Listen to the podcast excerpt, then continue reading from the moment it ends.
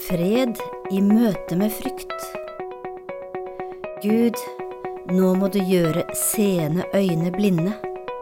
Dette var ordene som dagens gjest brukte da hun sto overfor seks tøffe politimenn som skulle undersøke hva som var i bilen hennes.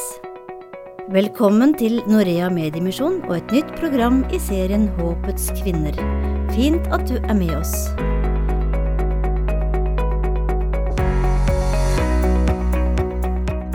I dag skal du få høre en spennende historie fra den tiden da smugling av bibler inn til Øst-Europa var like farlig som å smugle våpen og narkotika. Mitt navn er Marit Veimo, og dagens gjest er Toril Soli Haugen. Hun er opptatt av at Guds ord er et levende ord som aldri går ut på dato. Og det første jeg spurte Toril om, var hvordan hun selv kom til tro. Det var ganske tidlig i ung alder, egentlig. Eh, jeg tok et veldig klart og bevisst standpunkt eh, for Jesus da jeg var 15 år.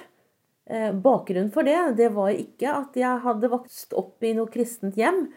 Mine foreldre de var ikke noen motstandere. De syntes det var fint at jeg gikk både på søndagsskole og på ungdomsklubb og, og det som jeg ble involvert i.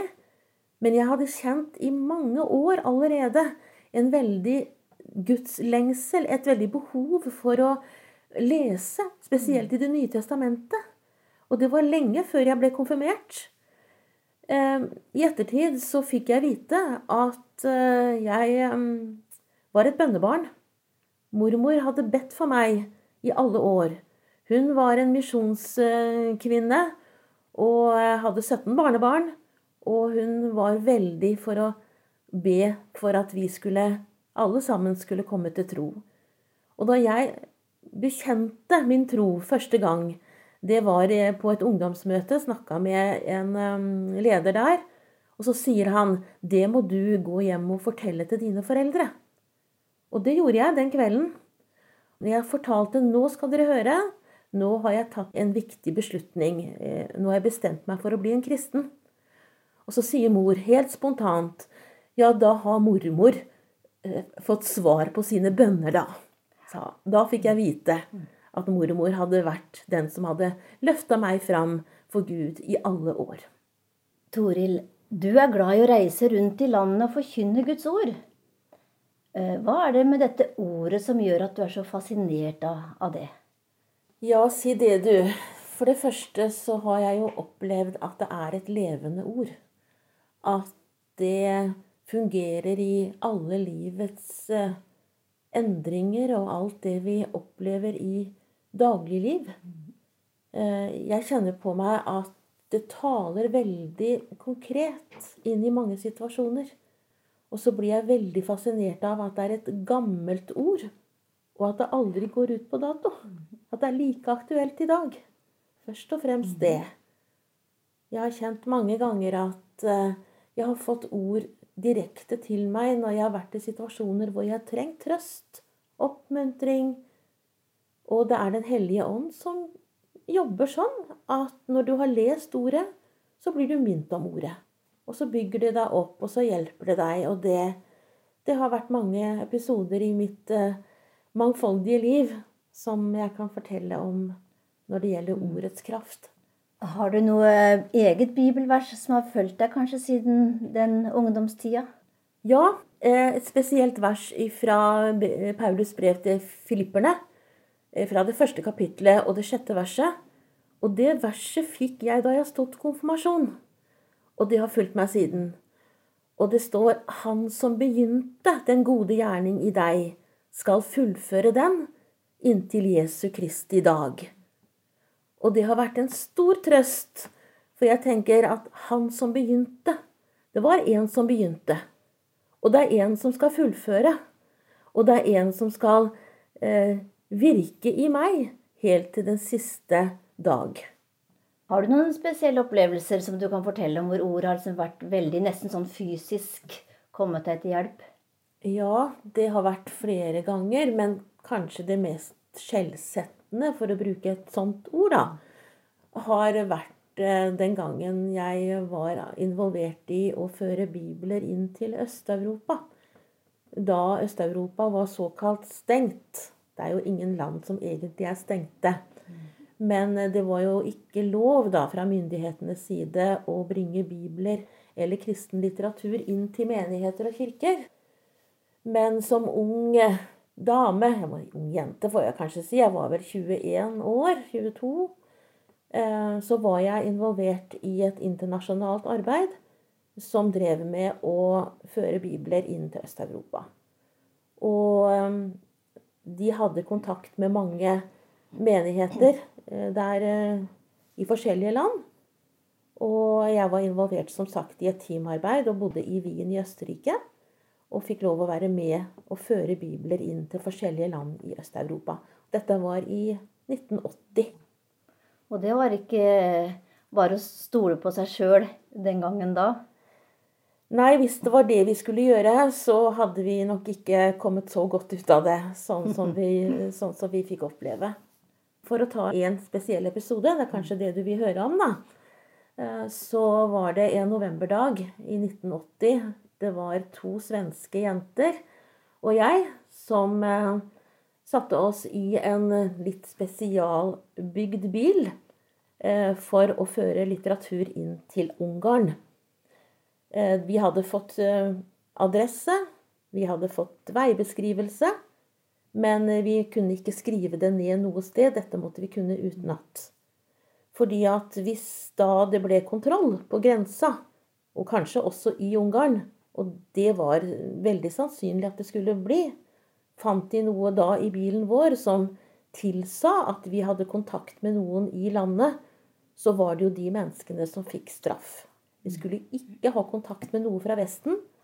Og den straffen var ofte at far i huset mista jobben sin. Barna ble nekta videregående skolegang. Og det var altså veldig tøffe restriksjoner. Masse avhør. Veldig mye forfølgelse av kristne. Så vi måtte lære både adresser og kart utenat.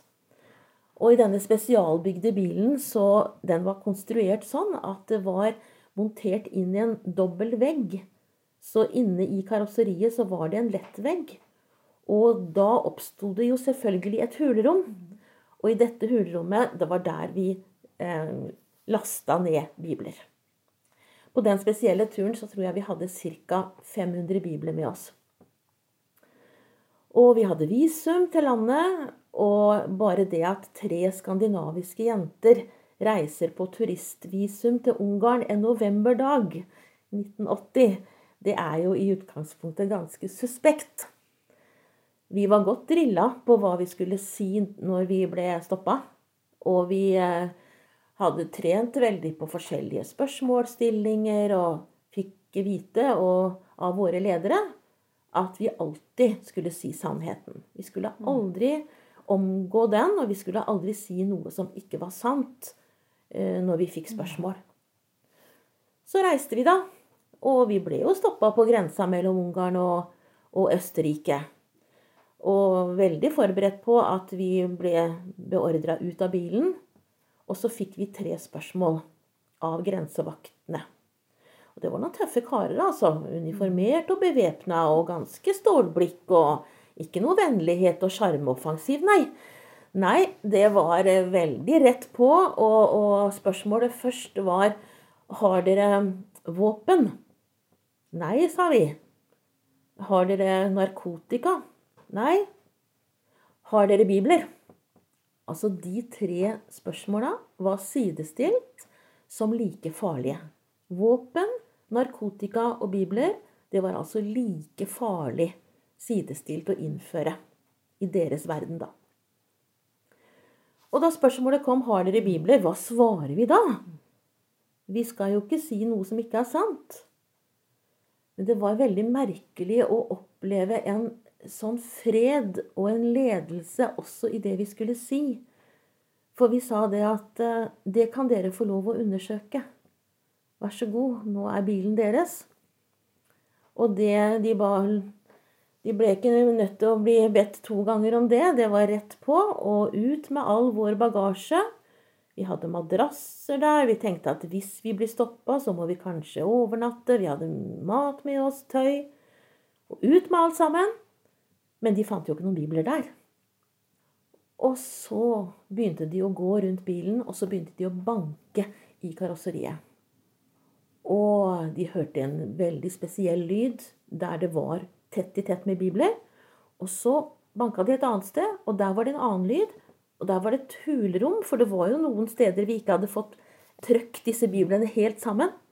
Og da blei de veldig mistenksomme. Og vi sto der, og vi venta, og jeg husker vi tenkte, jeg tenkte i hvert fall sånn at kjære Jesus, det er bare deg vi har å lene oss til. Eh, nå må du hjelpe oss. Og jeg husker jeg tenkte sånn at eh, ja, du kunne gjøre blinde øyne seende. Nå må du gjøre seende øyne blinde. Nå må de ikke finne det de er ute etter. Det er Ordet ditt sier at den som leter, finner. Men nå må vi be om at det ikke skjer. Og um, de brukte sin tid, men de fant altså ingenting. Og de sa nei, da får jeg bare kjøre, da.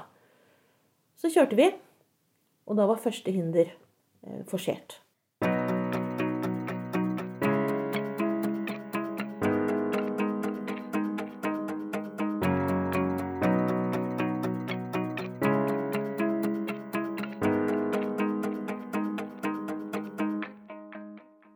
Toril og hennes to reisevenninner kom seg altså trygt over grensa til Ungarn, men flere utfordringer ventet dem.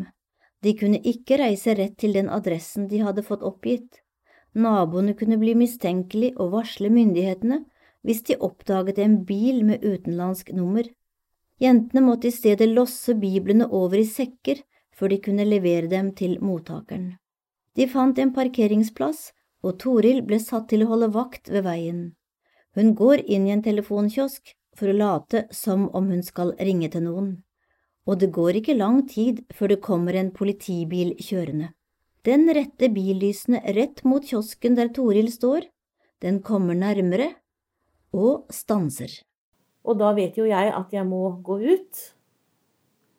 Og jeg husker at jeg tenkte, kjære Jesus, nå må du hjelpe meg. Nå må du gi meg de orda som jeg skal si til dem. Og så er det akkurat fysisk at det er en som står ved siden av meg, som jeg ikke kan se, men som sier til meg Når de arresterer dere, skal dere ikke bekymre dere for hva dere skal si, for det skal bli gitt dere i samme stund. Og Det var et ord som Jesus sa til sine disipler når han sendte de ut for å forkynne evangeliet. Og jeg blei så rolig. Jeg fikk sånn fred. Og jeg gikk ut av den telefonkiosken. Der sto det seks tøffe karer med våpen og uniformer. Og så snakka de til meg på tysk. De så jo at jeg ikke var eh, innfødt ungarer da. Snakka til meg på tysk, og så spør de hva gjør du her? Og svaret kom så lett. Orda kom så lett. Og så sa jeg jeg venter på noen. Det var jo riktig, det. Jeg venta jo på at de andre skulle bli ferdig med å laste Bibelen. Så det var nå greit. Ja vel. Papirer, sa de. Ja, jeg hadde jo alle papirene mine i denne lomma på anorakken. Tar, griper hele bunka, tar det fram. Og der var det jo passet mitt, det var visumet, og så var det bilpapirene. Hadde jeg tenkt meg litt om, så hadde jeg jo ikke gitt dem bilpapirene. Men det gikk så fort for seg så de fikk alt sammen. Og i de bilpapirene sto det jo selvsagt bilnummeret. Kikka de på det, og så ser de bilen. Og så peker de på bilen, og så sa de, 'Er det din bil?' 'Nei', sa jeg. Og jeg tenkte, det kan jeg godt si, fordi at jeg eier ikke den bilen. De spurte om det var min. Nei. Jeg hadde riktignok kommet med den, men det var jo ikke det som var spørsmålet. Nei, sa jeg. Nei vel. Kom her, sa de. Og så satte de lysene sine fra sin bil bort på vår bil. Lyste opp hele bilen, bilnummeret selvsagt, og så sa de at jeg måtte bli med dem helt bort til bilen. Og så kikker de. De ser nøye på skiltet, og de ser på papirene. Ser at det, det stemmer overens. Og det var da jeg ba så inderlig til Gud. Jeg sa, du som gjorde du som gjorde blinde øyne seende. Du må gjøre seende øyne blinde. Og de sendte papirene fra mann til mann. Alle så på papirene. Og jeg sto der og venta i åndeløs spenning og tenkte ja, nå er det eneste muligheten at du, Gud, gjør et under. Og så fikk han førstemann, som var talsmann for dem, papirene tilbake. Og så ser han på meg, og så ser han ja, nei, vi ser jo at du ikke har noe med dette å gjøre. Vi ser jo det at dette her ikke er din bil, sa de. Så fikk jeg alle papirene tilbake igjen, og så sa de vi, vi beklager at vi har brukt så mye av din tid, og så håper vi nå at de du venter på, kommer snart, og at du vil få et fint opphold i Ungarn. Mens dette pågikk, hadde de to andre jentene ligget musestille godt gjemt inne i bilen, og etter at Herren hadde gjort som Toril hadde bedt om, nemlig å gjøre seende øyne blinde, da kunne jentene fortsette å losse bibler. De fikk levert dem til rette adressaten, og der ble de til sin overraskelse innbudt til å delta i et hjertelig fellesskap med mennesker som lengtet etter å holde Guds ord i sine egne hender. I dag trenger man ikke å smugle Guds ord inn til Ungarn, men det er rart å tenke på at Toril opplevde at bibler ble sett på som like farlig som våpen og narkotika. Var det fordi myndighetene visste at Guds ord er levende og virkekraftig, og at det faktisk kan forandre mennesker og endre deres tankegang og levesett?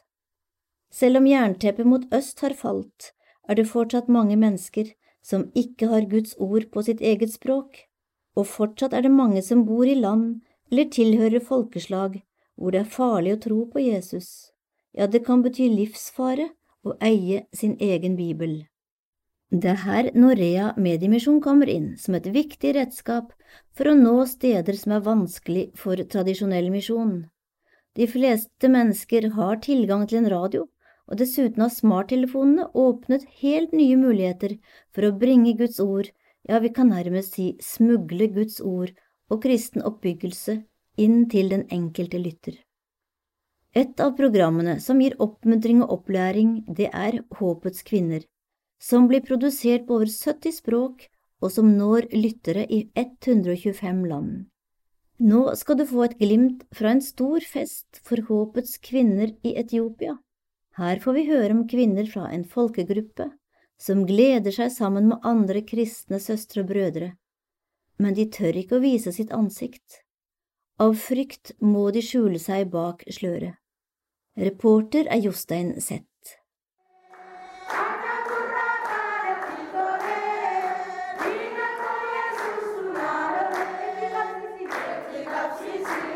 Det gjorde dypt inntrykk Én etter én hadde folk fra ulike regioner reist seg.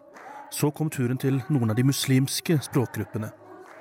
Også her reiste det seg noen få sjeler, i vakre og fargerike kjoler, men med slør foran ansiktet.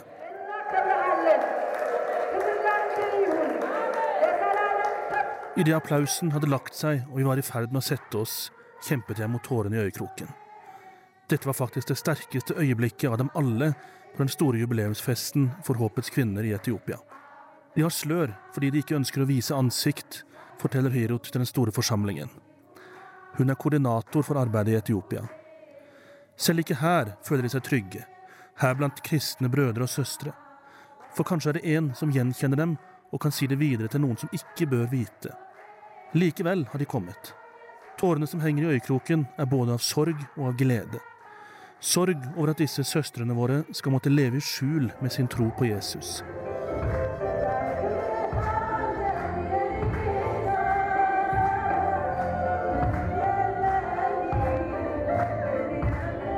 Glede fordi det bak sløret gjemmer seg akkurat den samme enorme gleden og friheten som alle de andre dansende damer og menn i lokalet uttrykker.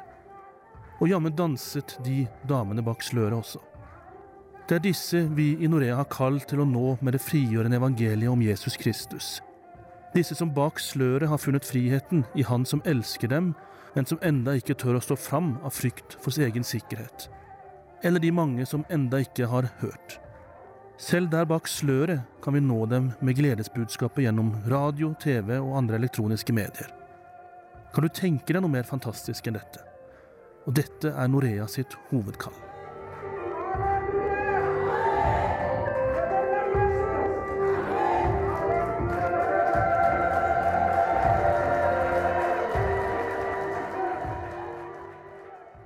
La oss be, kjære himmelske Far. Vi takker for at evangeliet om Jesus Kristus når ut til stadig nye folkeslag. Vi takker for at Norea Mediemisjon får være med i dette store oppdraget. Vi ber om at du må kalle enda flere her i Norge til å bli med i dette viktige arbeidet hvor evangeliet krysser usynlige grenser. Kjære Jesus, vi ber for alle dem som må skjule sin tro i frykt for vold og trusler fra familie og myndigheter. Kjære himmelske Far, vi ber for kvinner og menn i Norge som ønsker å være dine barn, men som synes det er vanskelig å bekjenne troen. Kanskje det også gjelder noen som lytter i dag. Kjære Jesus, må du se til den enkelte, og la dem få kjenne at du er med dem, og at de kan få komme til deg både med tvil og med tro. Vi ber også for mennesker som kommer hit fra en annen kultur, men som ønsker å bli bedre kjent med Jesus, Han som er veien, sannheten og livet. Må Du Hellige Ånd lede dem til å finne gode fellesskap, hvor de kan vokse i kjennskap til Bibelens ord, og til å erfare og kjenne Kristi kjærlighet. Takk for at du var med oss i dag. Fortell gjerne andre om programserien Håpets kvinner.